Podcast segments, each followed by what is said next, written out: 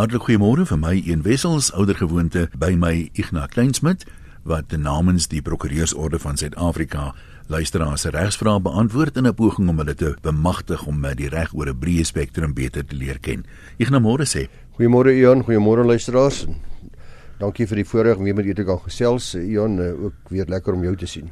Maar goed, wat het ons op die rol vandag? Ian, uh, verwagtende moeders wat na die bevalling weer moet gaan werk, moet maar mooi luister want ek het nie 'n navraag gekry nie, maar ek het 'n baie oulike nuusbrief raak gelees van Blyk Bester de Wet in Jordaan, bekende prokureurs wat handel met die vraag wat gebeur as hulle moet borsvoed en uh, moet ek by die werk tyd afkry om te borsvoed al dan nie. Dit is 'n vraag wat ek tog nooit voorheen geantwoord het of van gehoor het nie, man. Uh die prokureur skryf as volg: Hulle sê gelukkig erken ons wetgewer die belangrikheid om borsvoedende moeders tegemoet te kom en het die wetgewer 'n kode vir goeie praktyk rakende die beskerming van werknemers gedurende swangerskap en na geboorte uitgegee. Die kode bied riglyne vir die beskerming van die gesondheid van 'n vrou teen moontlike gevare in hulle werksomgewing gedurende swangerskap, asook na die geboorte van 'n kind en gedurende borsvoeding en maak dit ook duidelik dat diskriminasie teen swanger vroue nie toegelaat word nie.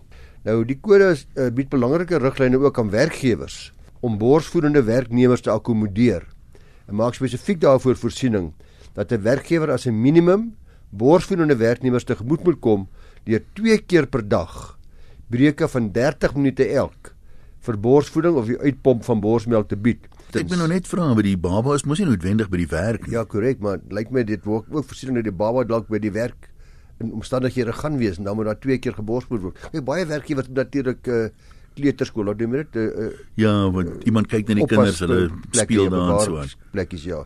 Uh 30 minute elk, twee keer per dag en uh dis nou vir die borsvoeding of jou uitpomp en dit moet vir minstens die eerste 6 maande van die kind se lewe toegepas word deur die werkgewer. Dit sal 'n nou boom behalwe natuurlik wees die amptelike middagete breek of ander breuke wat die wat die werk moet addisionele 2 maal 30 minute.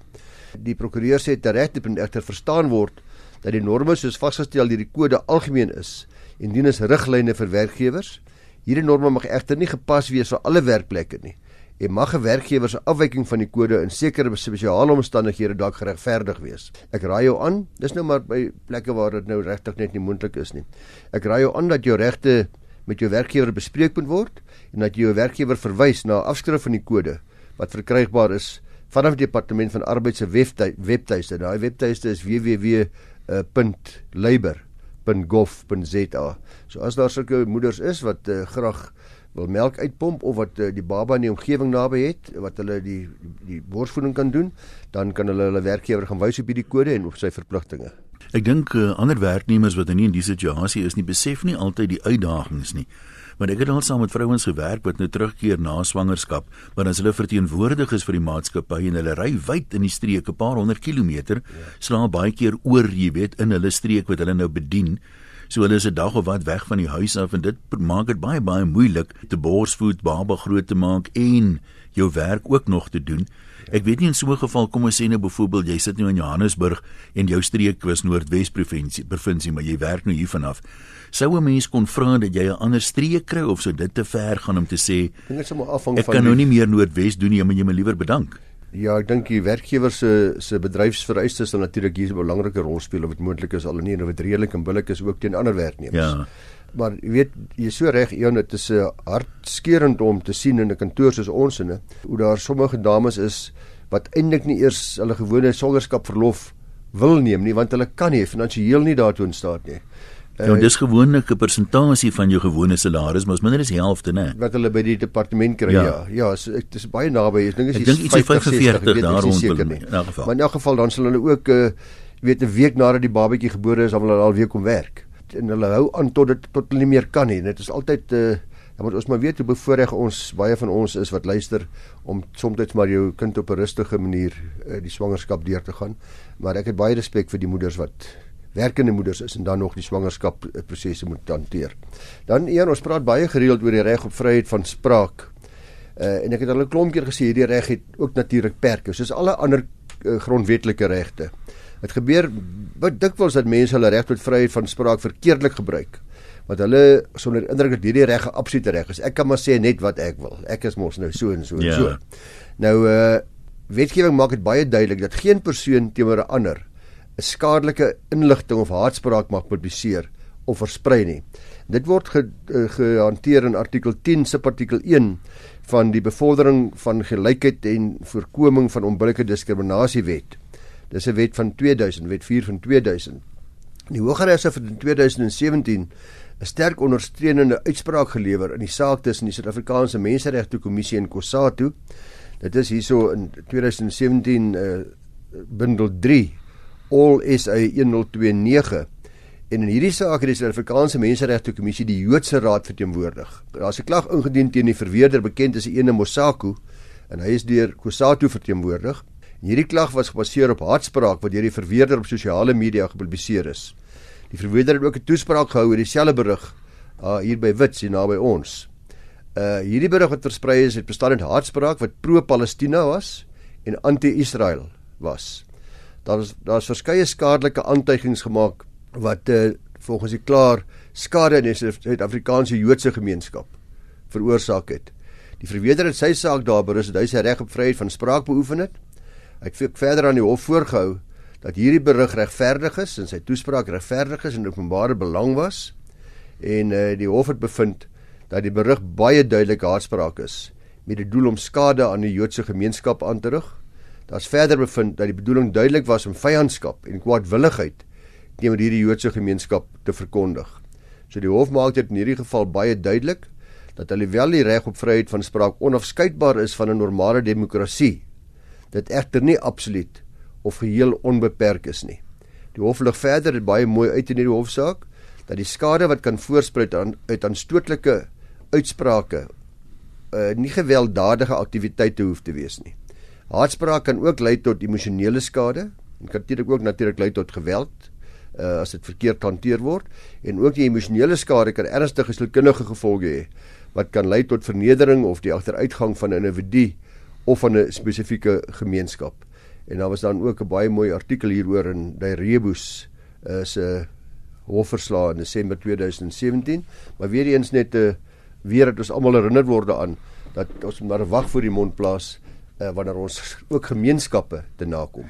As ek hierdie van hierdie goed hoor en dink ek altyd aan daai ek weet nie waar in die Bybel dit staan nie, maar Salomo wat iewers gesê het 'n sagte antwoord keer die grimmigheid af. Ja, baie mooi. die ontduiking van onderhoudsplig luisteraars deur een van die ouers is 'n probleem waarmee ons op hierdie program al baie mee gespook het en waarmee die staat is ook prokureurs al worstel vir solank as ek maar kan onthou. En baie lank voor my tyd ook.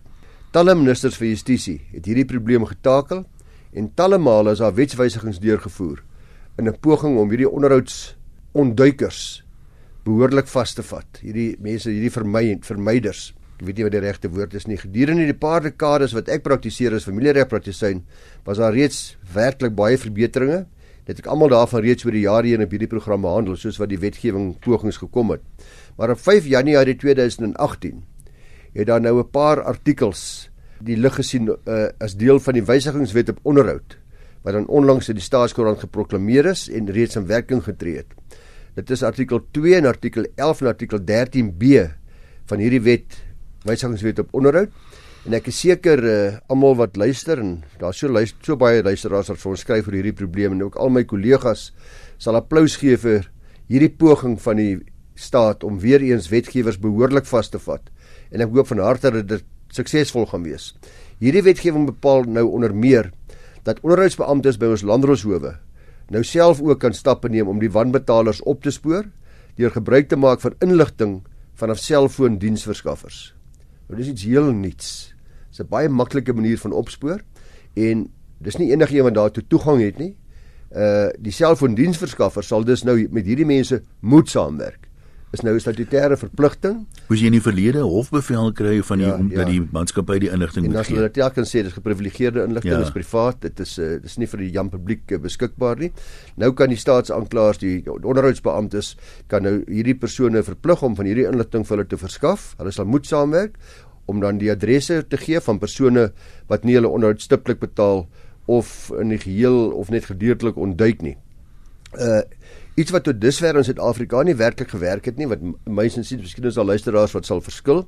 Uh is maar net my aanvoeling uh is die sogenaamde swart lyste waarop name van oortreders dan nou verskyn of wat nou seksoortreders is of die soort van oortreders nou daar's ook in hierdie wetgewing voorsiening gemaak vir die daarstelling van 'n swart lys waarop al die name van diegene wat dan swak onderhoudsbetalers is of wat weier om te betaal dit dit daarop geplaas word. Sal dit nou 'n applikasie sê as jy vir krediet aansoek? Ja, dit is absoluut veronderstel om hulle kredietrekord dan te benadeel sodat hulle nie verdere skuld kan aangaan nie, hmm. maar soos ek reeds gesê, ek sien altyd so seker of hierdie swartlyste baie effektief is nie. Uh waar dit in wetgewing daar vasgestel is nie uh, en of dit regtig baie goeie praktiese gevolge het, ek is nie seker nie. Maar nou ja, wat is wat dit eintlik maar beteken is is daai name and shame of of ek ek vertaal dit as benaam en kry skaam. Dis mooi, dis 'n goeie ja, vertaling. Ja, uh, gelukkig gaan die wet 'n bietjie verder. En hy sê ook dat oortreders se name ook aan krediet uh bureaus bureaus verskaf moet word. Nou dit behoort ook te help. Ja, maar kyk, dis 'n standaard praktyk as jy 'n rekening wil oopmaak of krediet wil hê, hulle doen daai wat noem hulle dit credit checks. Ja, korrek. So ek hoop regtig die die ons onderhoudshowe gaan hierdie baie sterk en baie uh, stiptelik en pligsgetrou toepas en uh terloops ook die koste om die inligting van hierdie selfoondiensverskaffers te bekom. Daar gaan waarskynlik die, die wet voorsien dat daar gaan kostes wees. Somstyds selfs 'n hofbevel om hulle te verplig, uh sal deur die staat betaal word as jy klaar dit nie kan bekostig nie. So die staat bied aan om daardie inligting te kry op hulle koste en die hof kan klaar ook beveel om dit aan die staat terug te betaal waar die staat dit wel kan waar die klaar dit wel kan bekostig. So nou moet een of ander middele toets of iets seker wees hoe Correct. bepaal jy dit? Korrek. Die die, die onderhoudsbeampte sal dit self bepaal. Hy sal die, die inligting hê van die persoon ja. natuurlik. So ek dink baie welkome uh, stukkie wetgewing en ek hoop regtig vir almal wat so swaar kry daar onder daar buite om hulle om die onderhoudspligtige so ver te kry om sy plig na te kom of haar plig na te kom, sal dit uh, vind dat dit positief gaan werk. Weet jy kry mos mense wat baie goed voorsiening maak en vooruitbeplan. Hulle is nie altyd so simpatiek teenoor die mense nie. Jy sal hoor dat baie van hulle sê mense begin met 'n gesin onder omstandighede waar hulle mos nou weet hulle kan dit nie bekostig nie. Hulle kan nie goed na die kind kyk nie. Nou dis nie vir ons om 'n oordeel daaroor te vel nie, maar miskien moet 'n mens tog maar Jy weet as jy dan nou vrywillig is twee keer dink en seker maak ja. jou begroting laat toe vir 'n baba want dis nie 'n gratis ding daai. Goeie goeie advies, goeie advies. Die saak wat ek wil bespreek luisteraars uh, is die een van die organisasie vir godsdienstige onderrig en demokrasie, o God teen die laerskool Randhart en 'n klomp ander laerskole wat redelik ook uh, pertinent was in die media en baie dekking gekry het. Dit het gehandel hoofsaaklik oor die reg op vryheid van geloof in ons skole soos dit ingesit in artikel 15 van die grondwet en meer spesifiek hoe dit dan in die openbare skole geïmplementeer word of dan volgens die aansoekers ook God geïmplementeer moet word. Die applikante in hierdie saak sou ek sê was hierdie organisasie Oogod. Dis 'n vrywillige organisasie wat ondersteuning aan hulle lede en kinders in openbare skole gee wanneer hulle van mening is dat skole in stryd optree met hulle lede of hulle kinders se grondwetlike regte. In hierdie geval dan spesifiek die reg op die vryheid van geloof. Dat dit nie dat daar nie 'n ander geloof op my afgeforceer word of afgedwing hmm. word nie. Die nege respondente was onder meer die volgende openbare skole, geneem 'n paar van hulle maar noem: Randhart Primêre Skool, Baanbreker eh, Primary School, Garsfontein Laerskool, Linden Hoërskool, Hoërskool Oudtshoorn, Oudtshoorn Gimnasium en vyf ander instellings is ook as vriende van die hof toegelaat wat betrokke word raak en is Afriforum sonder dat die tyd uh uh organisasie met die naam Cause for Justice, as ook die Council for the Advancement of the South African Constitution, ook die Council for the Protection and Advancement of Religious Rights. So 'n hele klomp van hierdie nie-regeringsorganisasies is toegelaat as vrywillige vriende van die hof om ook uh, hulle menings te gee oor die aansoek en die verweere. Nou die doel van die aansoek was tweeledig van aard. Die eerste bede was vir ses verklarende bevele teen alle openbare skole, terwyl die tweede bede was vir 71 finale interdikte teen die 6 respondente skole wat ek nou genoem het. Ek het nou nog gesê 9, 6 respondente skole wat ek genoem het. Die applikant het in die 6 verklarende bevele gevra dat die hof die volgende optrede van skole ongrondwetlik moet verklaar en ook steenstrydig met die nasionale geloofsbeleid. Eerstens, skole mag nie voorgee om net een godsdienst te beoefen of om een godsdienst ten koste van 'n ander te beoefen nie. Dat skole hulle self met slegs een godsdienst assosieer is is onwettig sê hulle mag net nie doen nie. dat skole van leerders verwag om hulle geloofsvertuigings te openbaar in die skool. Jy mag nie vir 'n kind sê watter geloof is jy of watter godsdienst hang jy aan nie. Dat skole van leerders verwag om gehoor te gee aan slegs een godsdienst, aan met die afforsering van die godsdienst in 'n skool. Dat skole kinders laat deelneem aan godsdienstige aktiwiteite met die keuse om nie deel te neem nie. Dat hulle sê dat selfs daar waar die keuse gegee word, is dit nog onbillik. Daar moenie so so, so keuse situasie wees nie. En dat die 71 interdikte se werking uitgebrei word na alle openbare skole. Nou daai 71 verbiedende interdikte het 'n klomp goed gevra. Ek gaan dit net vinnig noem, dit is uiteindelik nie goedgekeur nie, maar dit het onder andere gevra dat skole en onderwysers verbied moet word om kinders te help verstaan in watter verhouding hulle met Jesus staan. Dat skole verbied moet word om die skooldag met skriflesing en gebed te open. Dat skole verbied moet word om Bybels uit te deel dat skole verbied moet word om die drie eenheid of enige assosiasie daarmee in sy wapen tentoon te stel. Dat skole verbied moet word om voor te gee dat hulle Christelike karakter het van enige aard. Dat kinders verbied moet word om prentjies te teken met Christelike stories uitbeeld. Nou die saak is aangehoor, luister as natuurlik met die die agtergrond hier is die grondwet van Suid-Afrika. Die hof het baie sterk gesteun op die subsidiariteitsbeginsel. Wat ek vir julle sê wat dit is, dit bepaal dat die bepalinge van 'n grondwet nie direk gebruik mag word om sekere gebruike as ongrondwettig te verklaar nie. Die reëls en regulasies wat gebruik magtig wat sê dit mag en dit mag nie. Daarteen kan beswaar gemaak word. Dit kan ongrondwettig bepaal word of dit kan uitgedaag word. Dit verseker dat daar twee standpunte gevorm word oor die saak en dit is 'n welbekende eienskap van ons akkusatoriese regstelsel. In ander woorde, jy moet die bepaling aanval. Jy moenie direk grondwet gebruik om sekere gebruike aan te val nie.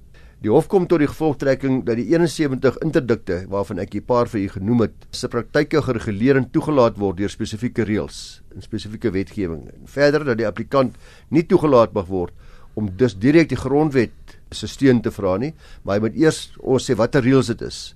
En dan kan daai reëls en regulasies wat hierdie gebruike magtig, kan dit dan voor die hof bring. So as gevolg van daardie feit dat die prosedure nie reg is nie, het die hof die aansoek van die 71 interdikte van die hand gewys. Maar nou hanteer hulle wel die ses verklarende bevele wat ek vir julle aanvanklik genoem het. Dit bepaal dat skole nie mag voorgee om net een godsdienst te beoefen nie of een godsdienst se koste van 'n ander nie of dat hulle hulle selfs met slegs een godsdienst assosieer nie. Dis die beginsels wat die hof nou wel na kyk. Die hof het bevind dat hierdie optrede beslis inbreuk maak enige sulke optredes wat gevra word in die verklarende bevele inbreuk maak op die grondwetlike reg van vryheid van godsdienst en die hof se rasionaal was vir hierdie bevinding was grootliks te vind in 'n voorbeeld wat die hof gegee het. Die voorbeeld was van 'n student wat deel van 'n godsdiens is wat nie beoefen word skoolier nou uh, in 'n skool nie en ook nie in staat is om 'n ander skool by te woon nie as gevolg van finansiële of ander omstandighede en faktore. Die hof bevind dat dit by hom of haar, by daardie skoolier, beslis 'n gevoel van minderwaardigheid sal veroorsaak wat teenstrydig is met die beginsels van die grondwet.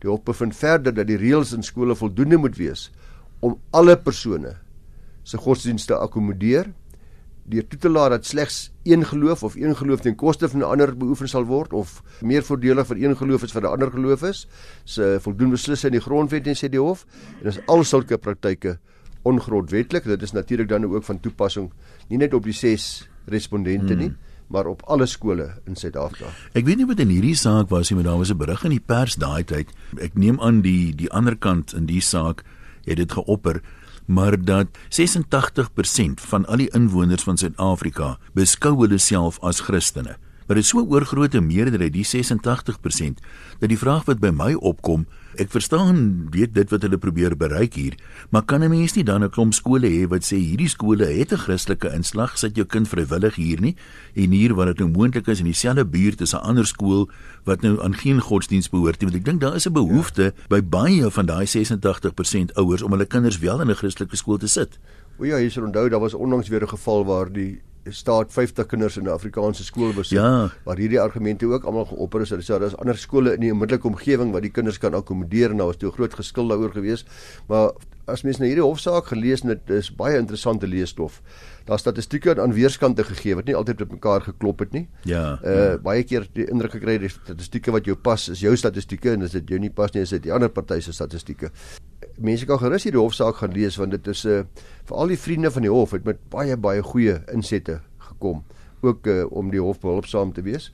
En ek dink daar was 'n bietjie waar Salomo wysheid nodig, maar die verwysing van hierdie saak as iemand dit wou gaan lees, hierdie o God teen Laerskool Randhart en ander is 2017 in hakkie 6 SA 129. Dis nou geteng.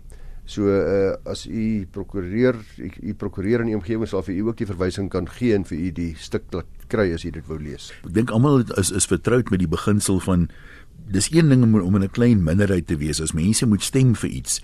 Mense het net maar daai trop mentaliteit. Jy weet as 2/3 vir 'n ding stem, dan is hulle gewoonlik reg. As jy hier 10% van die mense sê maar verskoon tog ek, dit gee my altyd 'n gevoel van ag, wie's jy nou? Julle is net 2 of 3, jy weet. Julle is nou 'n klein minderheid en nou wil julle kom moeilik wees. So dis baie keer moeilik om dan op te staan. Ek onthou byvoorbeeld ja. toe ek in die weermag was. Nou deel hulle die ouens in volgens kerk. As een ou in my peloton gewees het gesê maar hy glo niks. En niemand kon dit glo dit nie. Hy sê hy glo niks. Hy het net maar daar gesit en rook terwyl ons kerk toe gegaan het Sondag want hy kon nêrens ingedeel raak nie. Maar ek het ja. op in op, op 'n manier, sien vir mense met die ou saamstem nie, maar ek het sy moed bewonder om op te staan voor almal en te sê mekaar ek verskil van julle. Jy sien dis nou is baie moeilik want sodra sodra dit ons pas, almal van ons is maar net mense, dan sê ons ja maar 90% voel so. Ja. Uh, maar as dit 10% is, dan maak ons baie sterk staat op ons minderheidsregte. 'n Minderheid in 'n skool van 1000 kinders is een ateës. Is 'n minderheidsgroep wat presies dieselfde regte geregtig is as die ander 999 kinders. So sy minderheidsreg moet beskerm word. Dis wat hierdie hof sê. Wat godsdienstregte betref, wat vryheid van jou eie geloof te kies, moet daar dan niks op hierdie een kind afgedwing word nie. As ongelukkig nog steeds 'n klomp grys areas. Want soos ek uh, nou nou vir julle gesê het, die die hof sê uiteindelik dat nie dat daar daar mag geen godsdiens wees nie. Die hof sê dat die reëls in skole voldoende moet wees om alle persone se godsdienste te akkommodeer. Nou dit is baie wyd. Baie breed weggestel. In hierdie uitspraak is daar nog steeds ruimte en dis deur verskillende mense verskillend geïnterpreteer ook. Almal het min of meer gehoor wat hulle graag wou hoor. Daar is nog hmm. steeds nie die laaste sê nie en ek dink die 71 interdikte. Maar die hof gesê die prosedure was verkeerd. Ek sou baie verbaas wees as Ogot nou nie gaan en die regte prosedure gaan volg. Hy nog steeds probeer om daardie klomp individuele bevele wat baie meer uh, prakties is wat baie meer op die man af is wat dan nou die elke reeltjie gaan identifiseer en elke wetsbepaling dit ongrondwettlik te verdaag. Dit gaan weer dit gaan 'n lang uitgerekte stryd wees en baie interessant wees. Prakties gesproke, ek meen ons ouer mense dink ek kom almal uit 'n era waar maandagooggend saalperiode, dit word geopen met skriflesing en gebed. Baie keer die eerste periode van die dag is 'n korter godsdienstperiode waar daar gelees en gebid en 'n bietjie Bybelstudie gedoen word. Mag geen skool dit nou doen nie. Is dit prakties wat dit beteken? Nee, ek sê ek sê daar's verskillende standpunte wat skole nou mag doen en nie mag doen nie. Uh, ek gaan weer maar vir jou sê die skole sê skole moet reëls maak ja. wat alle godsdienste akkommodeer. Op my interpretasie sal 'n skool dit nie mag doen wat jy sê nie, maar daar is ander mense wat dalk daarmee gaan verskil. Ek dink dis uh, min of meer al waarvoor ons gaan tyd hê. Ek net een opmerking nog maak. Uh, mense het soms gehoor dat mense sê ouers is geneig om hulle verantwoordelikhede en hulle pligte af te skuif op die onderwysers wat algemene opvoeding van kinders betref. Ons praat nie van vakke spesifiek nie. En ek het ook aan die opmerking gehoor dat hulle sê ouers laat die godsdienstopvoeding het hulle grootliks oorgelaat aan die skool. Miskien moet 'n mens dan ook sê as jy nou 'n ouer is en jy's ernstig daaroor dat jou kind uh, godsdienstopvoeding moet ontvang met 'n mens miskien by die huis self meer aandag daaraan wy, seker maak dat die kind by kerkaktiwiteite inskakel. Uh want dit beteken nie hy mag nou nie 'n Christen wees nie. Dis absoluut een van ook God se sterkste punte hierdie. Dat jou godsdienstonderrig moet jy by jou huis kry. En word onthou nou hulle tree net vir die kinders op, hulle tree ook op vir hulle lede, ouers is van van kinders. Dit sê ja. ek leer my kind hierdie geloof of ek leer om dit of dat by my huis. Ek doen baie moeite. Dan kom ek terug heeltemal vir heeltemal deur mekaar. Heeltemal verward want daar's iets anders vir hom ingeprent. Daar's vir hom gesê jy's verkeerd, juffrou is reg. Ma en pa weet nie waarvan hulle praat nie. Dis die indruk wat hy kry. Uh want daar is werklik skole waar die Christelike geloof nou dink ander die gelowe ook in ander skole weer nog absoluut beskou word. Ek bedoel daar's Rooms-Katolieke skole. Onthou ons praat nou net hierso van van openbare skole. Dit is belangrik om dit te besef. Maar luisteraars gaan dadelik vra nou wat van daai skool? Wat van daai skool? Privaat skole word nie geraak deur hierdie spesifieke uitspraak nie. Goed, ek sê vir jou Ignas baie dankie luisteraars wat eh, weer na die program wil gaan luister. Onthou dis as potgooi beskikbaar. Jy gaan na die webwerf toe rsg.co.za.